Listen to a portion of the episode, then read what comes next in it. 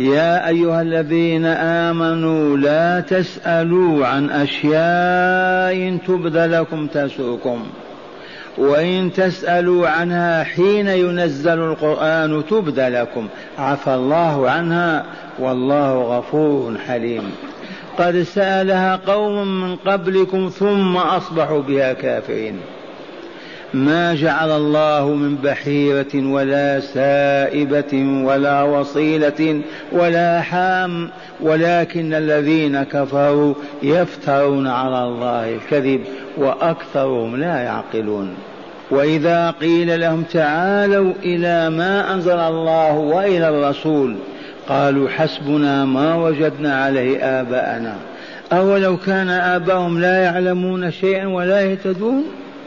معاشر المستمعين والمستمعات من المؤمنين والمؤمنات. هذا نداء الرحمن لأهل الإيمان. يا أيها الذين آمنوا لبيك اللهم لبيك سمعا وطاعة مر نفعل إنها ننتهي. تأدب نتأدب. انصح نقبل النصيحة. مستعدون لكمال حياتنا. لأن المؤمن الحق الصادق الإيمان حي يسمع ويبصر ويعي ويفهم ويأخذ ويعطي. بخلاف الكافر فإنه ميت. لا يسمع نداء ولا يجيب. هنا نادانا لينهانا عن أشياء. ننتهي وإلا لا؟ انتهينا ربنا. لا تسألوا عن أشياء إن تبد لكم تسؤكم. هذا لما أكثر المؤمنون من سؤال الرسول وأحرجوه وأتعبوه. وكان الباب مفتوحا قبل نزول هذه الآية. فتألم وقام خطيب وقال لا تسألوني عن شيء لا أجبتكم عنه اسألوا. فسألوا وقام عبد الله بن حذافة قال من أبي يا رسول الله؟ لما سمعت أمه غضبت غضبا شديدا. أرأيت يا ولدي لو كان نسبك إلى غير أبيك. ماذا يكون حالي وموقفي بين الناس؟ ولكن الرسول قال أبوك حذافة وحمل الرسول على هذا السؤال لأن هذا الرجل الصاحب الجليل عبد الله بن حذافة كان إذا تلاوم مع أحد أصحابه يعني عذله يعذله كأنه ينسب إلى غير أبيه. وهذا في الجاهلية ليس في الإسلام. فأراد أن يتأكد من صحة نسبته إلى أبيه. فسأل وما كان من حقه؟ يسأل. قام آخر قال الحج أفي كل عام يا رسول الله؟ فسكت الرسول. أكل عام الحج يا رسول ثلاث مرات. ثم قال الرسول لا مر في العمر ولو قلت نعم لوجبت ولو وجبت لما استطعتم. وفي لفظ ولا كفرتم. ومعنى هذا أن الله أدب المؤمنين مع رسولهم ومع علمائهم. لا يحل لنا الأسئلة التي فيها تعنت وتقعر ولا تجدي ولا تثمر. هذه الأسئلة محرمة بهذا النص. لا تسألوا عن أشياء إن تبدو لكم وترى تسؤكم والله والرسول يقول والله عز وجل فرض فرائض فافعلوها وحد حدود فلا تعتدوها وحرم أشياء فلا تأتوها وسكت عن أشياء رحمة بكم فلا تسألوا عنها. وفي الحديث الصحيح نهاكم عن ثلاث منها عن كثرة السؤال وإضاعة المال. وكثرة الأسئلة وطرحها لا توجد أبدا خيرا ولا تثمر خيرا. فمتى نسأل نسأل عند الحاجة. لنريد أن نعلم ما حرم الله عليه أو ما أوجب عليه والآداب المحمدية منها قوله من حسن إسلام المرء تركه ما لا يعنيه. فالذي لا يعنيك بمعنى لا أنت تريد أن تقوم به وتفعله ولا أنت تريد أن تتخلى عنه وتتركه لما تسأل عنه؟ ولهذا أدبنا الله عز وجل بهذه الآية. لا تسألوا عن أشياء إن تبد لكم تسؤكم فلو قال الرسول نعم وجب الحج كل سنة. من يحج كل عام لو قال الرسول لعبد الله بن حذافة أبوك عثمان كيف تكون حاله؟ وحال أمي وأسرته. فما دام قد بين الله ما أحل لنا وما حرم لا حاجة أبدا إلى التعنت والسؤال. ما أحله حلال وما حرم حرام وما سكت عنه فهو رحمة منه لنا. لا نتعب أنفسنا ولا نشقيها. يا أيها الذين آمنوا لا تسألوا عن أشياء إن تبد لكم تسؤكم وإن تسألوا عنها حين ينزل القرآن تبد لكم. الآن ما بقي القرآن ينزل وانتهت. تلك الأزمة الأولى لكن بقينا على مبدأ الآداب الإسلامية والأخلاق النبوية. إذا كنت في حاجة إلى مسألة فاسأل. ما أنت في حاجة إلى أن تعرف حكمها أو ما عليها ما أنت فاعل ولا تارك لما تسأل؟ وكثرة السؤال مطلقة. حتى في المال. فالمحتاج أيضا لا ينبغي أن يلح في أسئلته أعطوني واكفوني وافعلوا بي. تسأل مرة واحدة. لأن هذا أدب عام خالد بخلود هذه الأمة والقرآن الكريم. وإن تسأل عنها حين نزل القرآن لا بأس. تنزل الآية ويبين الرسول الحكم. ولكن الله عفى عما سلف. مما سألتم عفى الله عنها والله غفور حليم. فلهذا ما واخذهم ولا عذبهم. غفر لهم وحلم عليهم فلم يعذبهم. ثم قال لهم قد سألها قوم من قبلكم ثم أصبحوا بها كافرين. أسئلة تعنت هذه؟ من بينها اليهود. ما قالوا لموسى عليه السلام أرنا الله جهرة ننظر إليه. وهذا السؤال يطلبه إنسان. يسمعون كلامه وهو يناجي في جبل الطور وهم سبعون شخص معه أو ستون. ولما سمعوا الكلام قالوا نريد أن نرى وجه ربنا. فأخذتهم الصاعقة وهم ينظرون. قوم صالح في شمال الحجاز. قالوا يا صالح لتدلل على نبوتك ورسالتك أخرج لنا من هذا جبل ناقة. وقام يصلي ودعا الله فانشق الجبل وخرجت الناقة. ما هي النهاية؟ حاولوا عقها وذبحها وقتلوها. وكانت النهاية أن دمرهم الله بالمرة الكاملة. نتيجة ماذا؟ يسألون عن أشياء ما هم أهل لها حواري عيسى. قالوا هل يستطيع ربك أن ينزل علينا مائدة من السماء؟ فأنزلها الله واشترط أن من كفر بعدها يعذب عذابا لا يعذب أحدا من العالمين. وهكذا إلى الآن التعنت والأسئلة التي لا تجدي وتثير الفتن والمتاعب والمشاغب والله لا تجوز. إن تأدبنا بآداب ربنا ورسولنا. فقد سألها قوم من قبلكم ثم أصبحوا بها كافرين. الآن هذه الآية الأولى. هل عرفنا هل استفدنا؟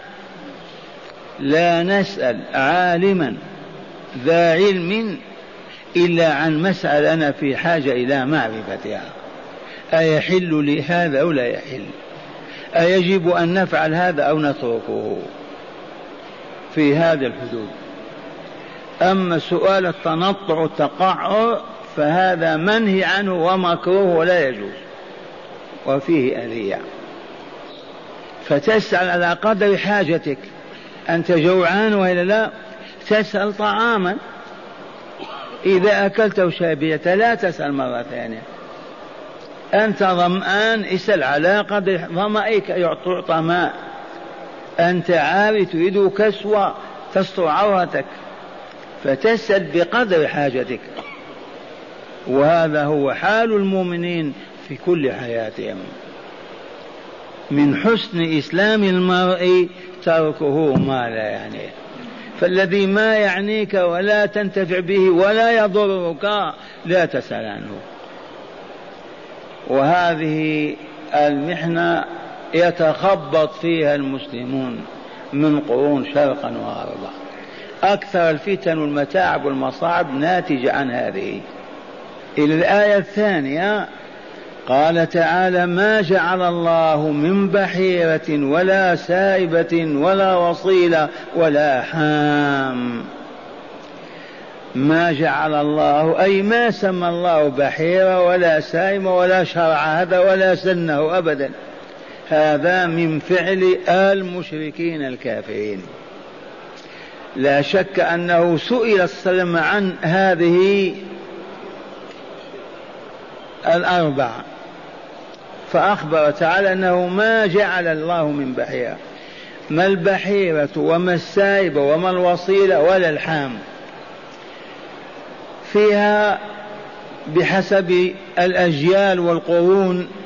هذه ابتدأت يوم ضعفت الديانة الإسماعيلية من أولاد إسماعيل. فهذا عمرو بن لحي الخزاعي ذهب إلى الشام فوجد العمالق يعبدون الأصنام. فسأل منهم أن يعطوه صنما يأخذه إلى الحجاز إلى الجزيرة ليعبدوه. فهو أول من جاء بالأصنام إلى وجاء بهبل.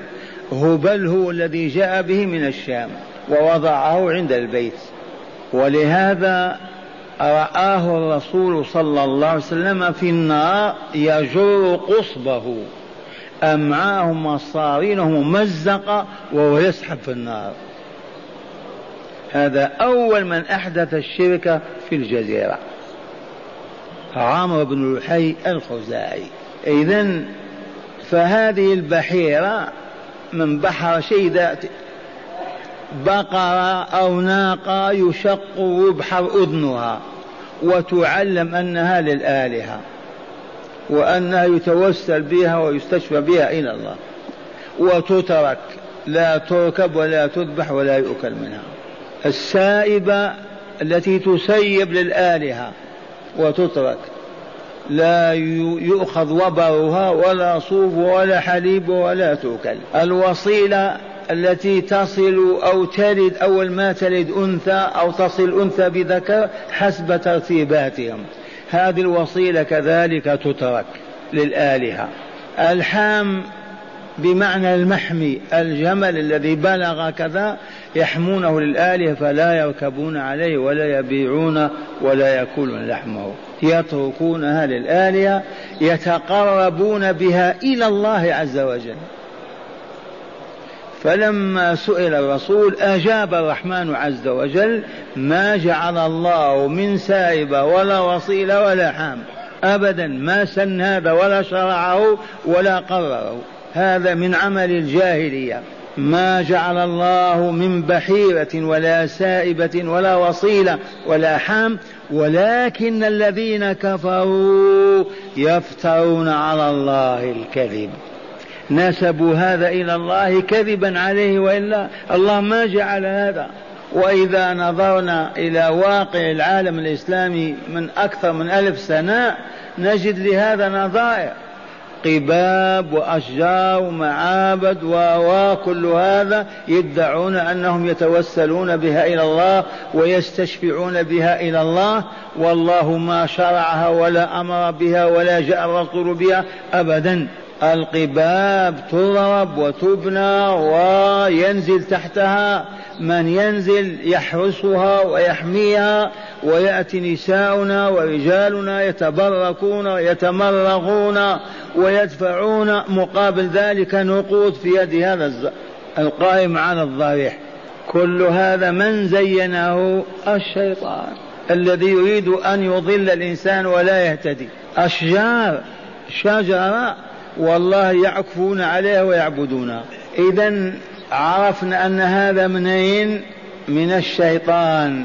ولكن الذين كفروا يفترون على الله الكذب وأكثرهم لا يعقلون. من أين لهم العقل؟ كلهم لا يعقلون إلا من شاء الله.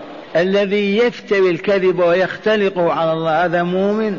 هذا يستحق كرامة؟ تكذب على من؟ على الله فتقول أحل الله والله ما أحل.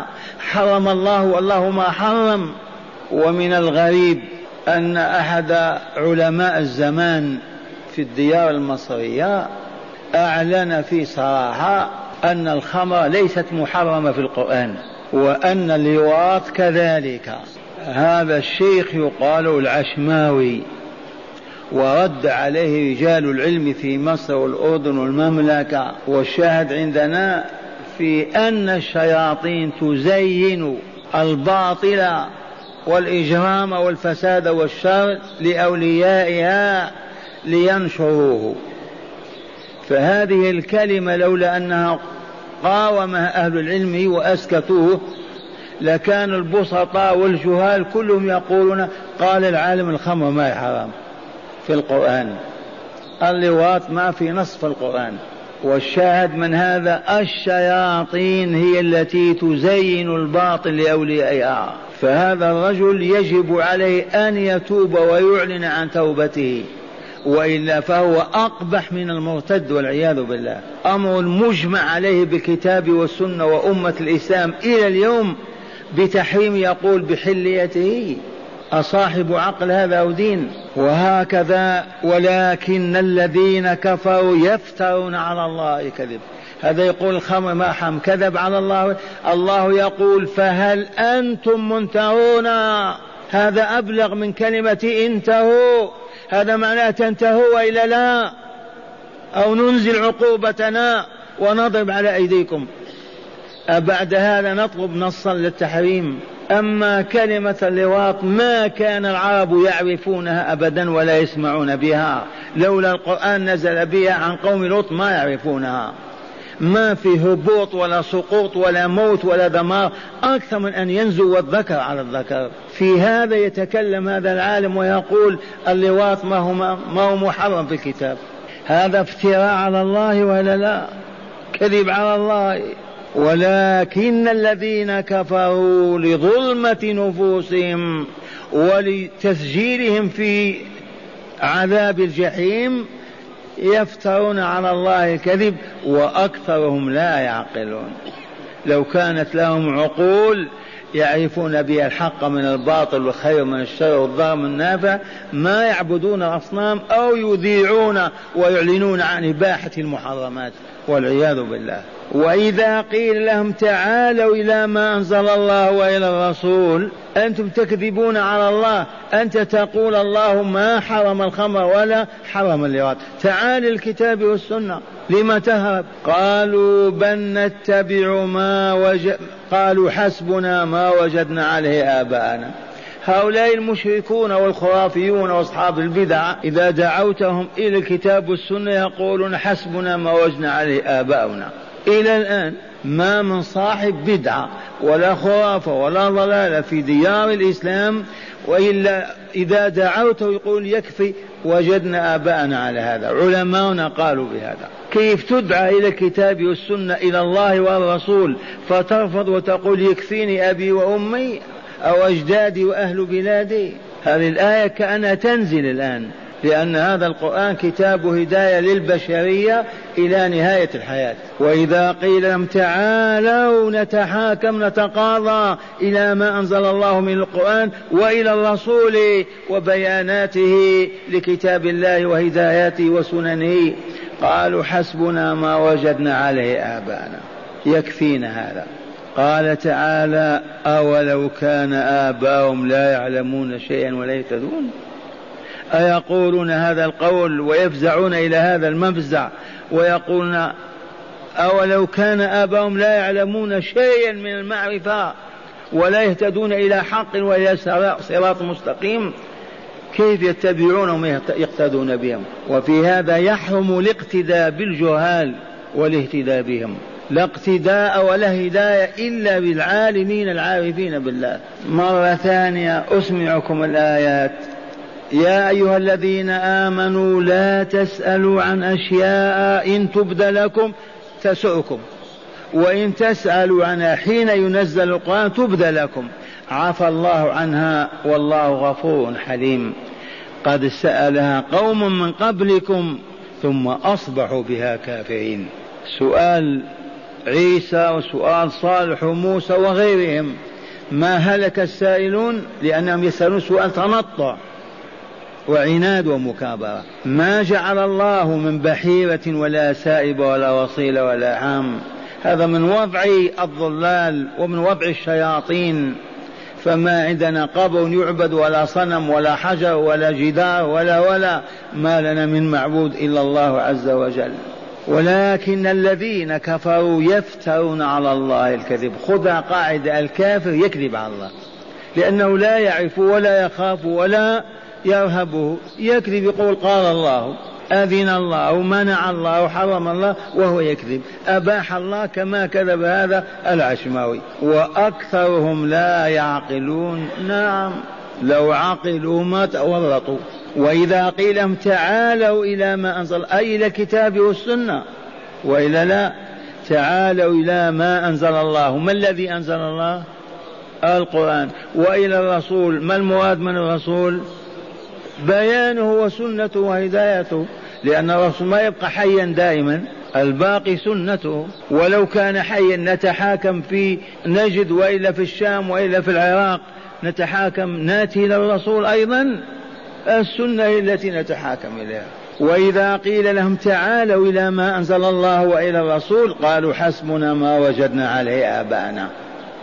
أولو كان آباؤهم هذا من باب التأنيب. والإنكار عليهم. أولو كان آباؤهم لا يعلمون شيء ولا يهتدون يقولون نتحاكم إلى آبائنا وهم جهل لا يعرفون شيئا. هذا ولنستمع مرة ثانية إلى شرح الآيات من الكتاب. وتأملوا. قال لقد أكثر بعض الصحابة من سؤال رسول الله صلى الله عليه وسلم حتى تضايق منهم. وقع هذا ولا لا؟ ومن أجله نزلت الآية حتى تضايق منهم فقام خطيبا فيهم وقال لا تسألوني اليوم عن شيء إلا بينته لكم على المنبر. فقام رجل يدعى عبد الله بن حذافة كان إذا تلام تلاوم مع رجل دعاه إلى غير أبيه. إذا تلاوم مع رجل يدعوه إلى غير أبيه. فقال من أبي يا رسول الله؟ فقال أبوك حذافة. والحمد لله. أبوك حذافة. وقال أبو هريرة خطبنا رسول الله صلى الله عليه وسلم فقال أيها الناس قد فرض الله عليكم الحج فحجوا فقال رجل أفي كل عام يا رسول الله؟ لما يسأل هذا السؤال؟ وفي حاجة إلى هذا؟ أفي كل عام يا رسول الله؟ فقال فسكت. من الذي سكت؟ الرسول صلى الله عليه وسلم غير راضي عن هذا السؤال حتى قالها ثلاثة. أفي كل عام يا رسول الله؟ سكت. أفي كل عام يا رسول الله؟ سكت. أفي كل عام يا رسول الله؟ أغضب الرسول وإلا لا؟ فقال رسول الله صلى الله عليه وسلم لا ليس في كل عام. ولو قلت نعم لوجبت ولو وجبت لما استطعتم. وإذا ما فعلنا ماذا ينزل بنا؟ قال ثم قال ذروني ما تركتكم. ما معنى ذروني؟ اتركوني ما تركتكم. اتركوني ما تركتكم. ذروني ما تركتم فنزلت. يا أيها الذين آمنوا لا تسألوا عن أشياء. إن تبد لكم تسؤكم وإن تسألوا عنها حين ينزل القرآن تبد لكم. عفى الله عنها والله غفور حليم الايات أي تظهر لكم أي تظهر لكم جوابا لسؤالكم يحصل لكم به ما يسوءكم ويضركم. وإن تسألوا على وإن تسألوا عنها حين ينزل القرآن تبدى لكم أي يبينها رسولنا لكم. إذا نزلت آية حكم في القرآن اسأل لتعرف معناه الرسول يبين. وإن تسألوا عنها حين ينزل القرآن تبدى لكم أن يبينها رسولنا لكم. أما أن تسألوا عنها قبل نزول القرآن بها فذلك ما لا ينبغي لكم لأنه من باب إحفاء رسول الله وأذيته صلى الله عليه وسلم. ثم قال لهم تعالى عفى الله عنها أي لم يواخذكم بما سألتم. والحمد لله. لم يواخذكم بما سألتم. والله غفور حليم. فتوبوا إليه يتوب عليكم. واستغفروه يغفر لكم ويرحمكم. فإنه غفور حليم. وقوله تعالى قد سألها قوم من قبلكم ثم أصبحوا بها كافرين. أي قد سأل أسئلتكم التنطعية المحرجة هذه سألها قوم من قبلكم فأصبحوا بها كافرين لأنهم كلفوا ما لم يطيقوا وشق عليهم جزاء تعنتهم في أسئلتهم لأنبيائهم فتركوا العمل بها فكفروا. هذا ما دلت عليه الآيتان الأولى والثانية. وأما الثالثه فقد قال تعالى ما جعل الله من بحير ولا سائبة ولا وصيلة ولا حام. ومن الجائز أن يكون هناك من يسأل الرسول عن البحيرة وما بعدها وهو كذلك. فأنزل الله تعالى فيه ما جعل الله من بحيرة. أي ما بحر الله بحير ولا سيب سائبا ولا وصل وصيلا ولا حمى حاميا ولكن الذين كفروا هم الذين فعلوا ذلك افتراء على الله وكذبا عليه. وأكثرهم لا يعقلون ولو عقلوا ما افتروا على الله وابتدعوا وشرعوا من أنفسهم ونسبوا ذلك إلى الله تعالى. وأول من سيب السوائب و وغير دين وغير دين إسماعيل عليه السلام عمرو بن لحي الخزاعي الذي رآه الرسول صلى الله عليه وسلم يجر قصبه في النار أي أمعاءه في جهنم. الرسول عرضت عليه النار ولا والجنة رآها ما هو عرض رؤيا واقعة. لكنها عرضت عليه كما تعرض عليكم الآن الآلات في التلفاز. ما بقي عجب. فشاهد عمرو بن حي يجر أمعاءه في النار والعياذ بالله لأنه أول من سن الشرك وأتى به إلى هذه الديار. جاء به بل ووضعه عند الكعبة. قال هذا ما تضمنته الآية الثالثة. أما الرابعة فقد أخبر تعالى أن المشركين المفترين على الله الكذب بما ابتدعوه من الشرك إذا قيل لهم تعالوا إلى ما أنزل الله وإلى الرسول ليبين لكم كذبكم وباطلكم في, بحائر البحايا وتسيب السوائب. يرفضون الرجوع إلى الحق ويقولون حسبنا أن يكفينا ما وجدنا عليه آبانا. فلسنا في حاجة إلى غيره فرد تعالى عليهم منكرا عليهم قولهم الفاسد أولو كان آباؤهم لا يعقلون شيئا؟ أي يتبعونهم ويحتجون بباطلهم ولو كان أولئك الآباء جهالا حمقا لا يعقلون شيئا من الحق ولا يهتدون إلى خير أو معروف. وهذا ما زال إلى الآن أصحاب البدع في دارنا الإسلامية يحتجون العلماء قبلكم ما قالوا هذا. وجدنا علماءنا في هذه البلاد يقولون كذا وكذا. هذه حجة دعاك إلى قال الله قال الرسول. تقول وجدنا علماءنا يفعلون كذا. هذا تشبه بالمشركين ولا لا؟ مهما ما كنت إذا دعيت إلى الكتاب والسنة قل آمنت بالله وصلى الله وسلم على رسول هات الكتاب والسنة والآن لا شك أن المستمعين والمستمعات فهموا هذه الآيات إن شاء الله. لكن تنتفعون بها يوم ما تقرؤونها. لا بد من قراءة القرآن. أما تسمع الآيات وبعد ما تعود إليها تتلوها ليلا ونهارا كيف تبقى في ذهنك؟ لكن الذي يرجع إلى الآيات يتلوها في تهجده في أوقات فراغه يمر بها يعرف يذكر. قال هداية الآيات الأربع. من هداية الآيات أولا كراهية الإلحاف. ما معنى ألحف في السؤال قوة وأكثر. فوق العادة. كراهية الإلحاف في السؤال. وقد قلنا مطلق سؤال. يا أديب حتى لو سألت الماء سألت الدرام سألت عن أي حاجة ما تلحف وتلح. تأدب. فهمتم هذا ولا لا؟ فضلا عن أسئلة تتعلق بدين الله وما عند الله.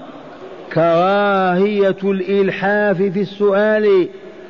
والتقعر في الأسئلة والتنطع فيها. التقعر يذهب بعيد إلى معاني ما تخطر بالبال. في أقوى والتنطع كذلك أن يطلع إلى أشياء ما سمع بها. فاسأل عما أنت في حاجة إليه أن تعبد الله به وتعرفه. وقد قلت لكم علماؤنا ورثة نبينا بل نحن نقول لا يجوز أن نوذي أميا. حارس عند الباب سؤال بلطف. لا تحلي من أنت وكيف هذا؟ كما يفعل الجهال. كراهية الإلحاف في السؤال والتقاعر في الأسئلة والتنطع فيها. من أخذنا هذا الهدى؟ لا تسألوا عن أشياء إن تبد لكم تسؤكم. ثانيا حرمة الابتداع في الدين. حرمة الابتداع في الدين. ليس من حق أي عالم أو رباني أو ولي أن يبتدع بدعة في الإسلام ويدعو الناس إليها. لأن موقف هذا تجهيل لله أو نسبة النسيان إلى الله أو نسبة عدم العلم لله حتى جاء هو بعبادة يدعو الناس إليها. فلهذا كل بدعة ضلالة وكل ضلالة في النار. والذين يبتدعون ويزيدون هل الإسلام ما كفاهم؟ أدوا الواجبات والفرائض والنوافل وما وبقي وقت أرادوا أن يزادوا شيئا. ممكن هذا؟ الفرائض ما أدوها. حرمة الابتداع في الدين وأنه سبب وجود الشرك في الناس. سبب وجود الشرك ما هو؟ والله البدع. هي التي تنتقل من تحسين بدعة إلى عمل شرك. ثالثا منين أخذنا هذا؟ ما جعل الله من بحيرة ولا سائب ولا وصيلة ولا عام ولكن الذين كفروا يفترون على الله الكذب وأكثرهم لا يعقلون. ثالثا وجوب رد المختلف فيه إلى الكتاب والسنة. والرضا بحكمهما. وجوب إذا حصل خلاف بين مؤمن ومؤمن أن يرد ذلك إلى الكتاب والسنة والرضا بالحكم. ما نرد الكتاب والسنة وبعد ما ترضى وما تقتنع. وجوب رد المختلف فيه إلى الكتاب القرآن العظيم والسنة سنة الرسول عليه السلام والرضا بحكمهما.